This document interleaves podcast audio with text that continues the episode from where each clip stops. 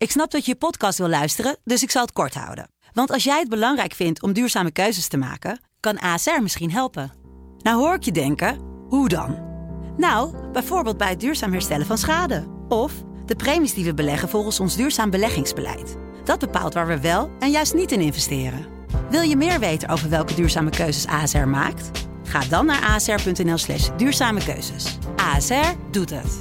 Zo, dan kan je nu lekker naar je podcast luisteren.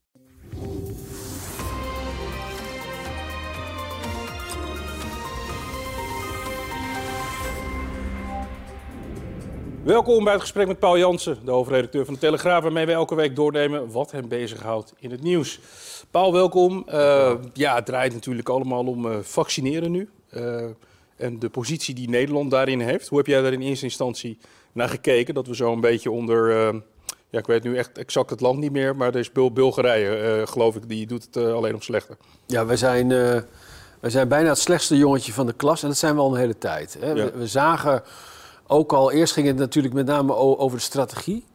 En uh, uh, de beroemde discussie over wanneer begin je met prikken, de datum. En toen zag je dus dat uh, op het moment dat de vaccins beschikbaar kwamen, alle landen zo'n beetje begonnen met prikken, maar Nederland niet. en toen was de verdedigingslinie ook nog vanuit het ministerie van minister Hugo de Jonge, VWS. Ja, maar jongens, het, het, het, gaat niet om of je de eerste prik zet. Nee, het gaat om het tempo van prikken. En wij beginnen misschien iets later, maar wij zullen uh, dat vaccineren, het tempo zo opvoeren dat wij die achterstand snel gaan oplopen. En het tweede wat de minister zei, is dat heel veel andere landen een symbolische eerste prik hadden gezet. En dan hebben we het over eind, eind december. En wij zijn dat dus gaan checken destijds en dat bleek gewoon onwaar. Minister De Jonge stond gewoon te liegen. Ja, um de verklaring was toen, wij hebben ingezet op het verkeerde paard, namelijk op het AstraZeneca-vaccin. Uh, en daarvoor moesten we de administratie uh, op orde gooien. Er was, het was, onze systemen konden dat op dat moment niet aan. Inmiddels heb je dat excuus natuurlijk niet meer. En toch lukt het een overgeorganiseerd land als Nederland niet om, om zo'n tempo in te lopen. Dan denk ik dat, uh, we gaan zo direct even luisteren naar Hugo de Jonge. Wij zijn niet een heel groot land, we zijn een goed georganiseerd land. Infrastructuur is ook heel goed. Uh, op een gegeven moment is, wordt het een beetje ongeloofwaardig. Nou, dat, dat punt uh, hebben we ook wel bereikt. Kijk, het ging erop dat, dat inderdaad Nederland zich met name heeft laten verrassen. Dat is even wat de officiële lijn is. Nederland heeft zich laten verrassen door de verpakking van dat medicijn. Want dat ging uh, in, in, in doses van duizend. Ja. En wij hadden uh, gedacht dat het in kleinere doses zou zijn. En daar was het, de hele distributie ook op ingesteld.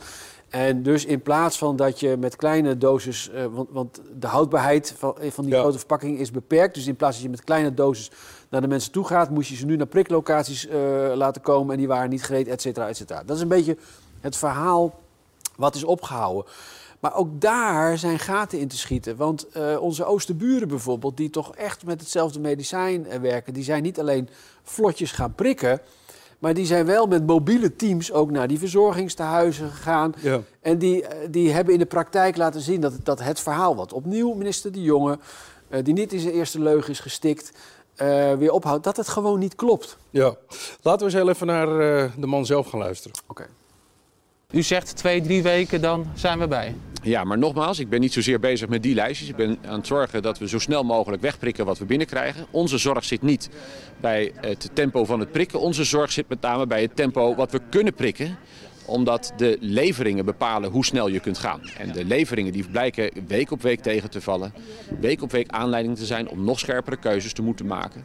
En dat maakt het uh, zo complex. En ik begrijp het ongeduld van mensen. Ik deel dat ongeduld van mensen. Ik heb het zelf ook.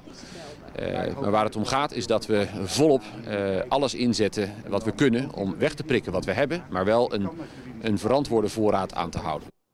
En hier, ja, hij maakt zich vooral zorgen om, uh, om de levering. Hij spreekt zichzelf ook hier weer tegen. Hij, hij, hij, zegt, hij zegt hier, we, we, we, prikken wat we hebben. En even later heeft hij toch weer over voorraad aanhouden. De man klets maar wat. Ja. Kijk, de cijfers wijzen ook gewoon aan dat wat hij hier zegt opnieuw niet waar is. Nederland heeft in tegenstelling tot bijvoorbeeld een land als Denemarken, die prikken echt weg wat ze hebben. Ja. En dat zie je ook, want je ziet dan de voorraad en je ziet de, de, de grafieken. Eh, Ik geloof niet dat we die hier paraat hebben, maar de grafieken waarin je de voorraad afgezet eh, ziet tegen het aantal vaccins wat is gezet, loopt ge- gelijk op. Sterker nog, daar worden eigenlijk meer prikken weggezet dan dat er vaccins zijn. Hoe komt dat? Ehm, is omdat er op papier is er uit één, één flesje bijvoorbeeld haal je vijf Ja. prikken en in de, in de praktijk zijn dat er zeven. Daar heeft Dus- Ernst Kuipers het ook bij Jinek gisteren over. Gisteren, gisteren bij Jinek, eh, eh, waar Ernst Kuipers inderdaad eh, zat, en die legde dat heel goed uit. Eh, Nederland daarentegen, daar zie je dat er een voorraad aan het opbouwen is. En wij maar mondjesmaat aan het prikken zijn. En daar zit, daar, zit wel een verhaal achter, is namelijk dat Nederland zegt... nee, maar als je een eerste prik zet, moet je ook die tweede voorradig Ja. hebben. En dus bouwt zich een voorraad op. Maar dat is wel in tegenspraak in wat de minister hier zegt. Die zegt hier namelijk net aanvankelijk... eh, het, het probleem is niet ehm, dat we niet snel genoeg prikken... maar dat we niet voldoende voorraad hebben. We hebben voorraad. En Ja, Ernst Kuipers is een van de mensen die ook gisteren eh, heeft aangegeven dat hij het onbegrijpelijk vindt dat in Os in de, in de, in de Vries eh, eh, koel, in de koelcellen die voorraad zich opstapelt. Hij zegt, Ja. je, je, je kan dus het aantal prikken verhogen naar 700.000 per week. Wij doen het niet. En als je dan weet dat, en, en dat is wat mij inmiddels echt ook wel met vele anderen boos maakt. En wat ook deze minister zo ongeloofwaardig maakt. Als je weet dat in Nederland nu al eh, een lange tijd in een verlammende lockdown zit. ja. Eh, Bedrijven gesloten zijn, scholen gesloten zijn, mensen s'avonds niet op straat mogen, nou noem het allemaal op.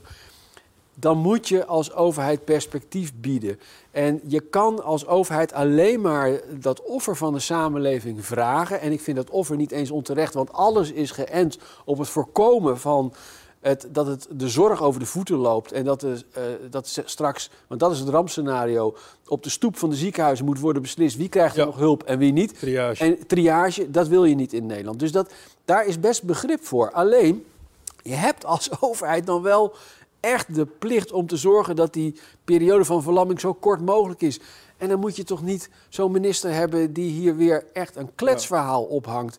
eh, terwijl ondertussen de, de vaccins zich opstapelen. Nee, je moet als de sodemieten gaan zorgen Ja. dat je zoveel mogelijk vaccineert. Precies ook wat Ernst Kuipers heeft gezegd van... elk vaccin wat je zet, dat haalt dat reproductiegetal naar beneden. En daar gaat het allemaal om. Ja, maar die minister die heeft een heel departement onder zich. Er is voor mij zelfs een extra directeur-generaal voor aangenomen eh, tijdens die coronacrisis. Er zit dus een berg ambtenaren onder die volgens mij redelijk goed kunnen nadenken. En ik zei net, Nederland is best wel een goed georganiseerd land. Ehm, Je zou kunnen is zeggen... het nou zeggen dat wij, dat wij misschien te democratisch zijn? Moet je het meer als een militaire operatie? Willen we te verantwoord doen? Wat, wat, wat is dan het probleem? Het, kan, het moet toch groter zijn dan alleen Hugo de Jonge? Zeker. Eh, dit is vlek op vlek, maar het begint er wel mee dat je, dat je en dat hoor ik ook van onze parlementaire redactie, dat, dat kijk, deze minister maakt zich graag groot en kijk eens, en ik heb het allemaal goed onder controle. Ja. A, dat kan niet in een crisis. Dat, elke, elke bestuurder weet dat in een crisis worden fouten gemaakt. Dat is onontbeerlijk. Maar deze Hugo de Jonge doet nog steeds voorkomen alsof hij volstrekt in controle is. Terwijl dat, dat, Nee. dat is al onmogelijk. Ik hoor van de parlementaire redactie dat, dat zij ook echt heel tevreden zijn. De jongen en, zijn, en de mensen om hem heen tevreden zijn met hun aanpak. Zij hebben, zij hebben een totale andere beleving van de werkelijkheid dan jij en ik en heel veel mensen in het land. Dus als jij niet het gevoel hebt dat je misschien toch iets minder goed bezig bent dan dat je hier loopt te verkondigen, en dan, komt, dan wordt het ook niet beter. Hè? Nee. Dus het, het begint bij, bij, eh, bij- bij de bestuurder, bij de politicus. Ik moet, ik moet zeggen, we hebben daar eerder over, over eh, gehad. En dat is niet aardig, maar het is wel waar dat eh, wij hier ook al hebben gesproken dat Rutte 3 een track record had, dat het een zootje is. Ja. We, eh, al voordat corona überhaupt nog ons, ons probleem eh, werd. Want voordat corona iedereen bezig Er waren een paar grote dossiers. dan hadden we het over stikstof die de boel platlegde. Eh PFAS, er lagen duizenden bouwprojecten stil. We hadden het over de toeslagenaffaire, die toen al zo ernstig was... dat, dat de bewindspersonen en de topambtenaren zelf niet meer wisten hoe het zat en waar ze mee bezig waren.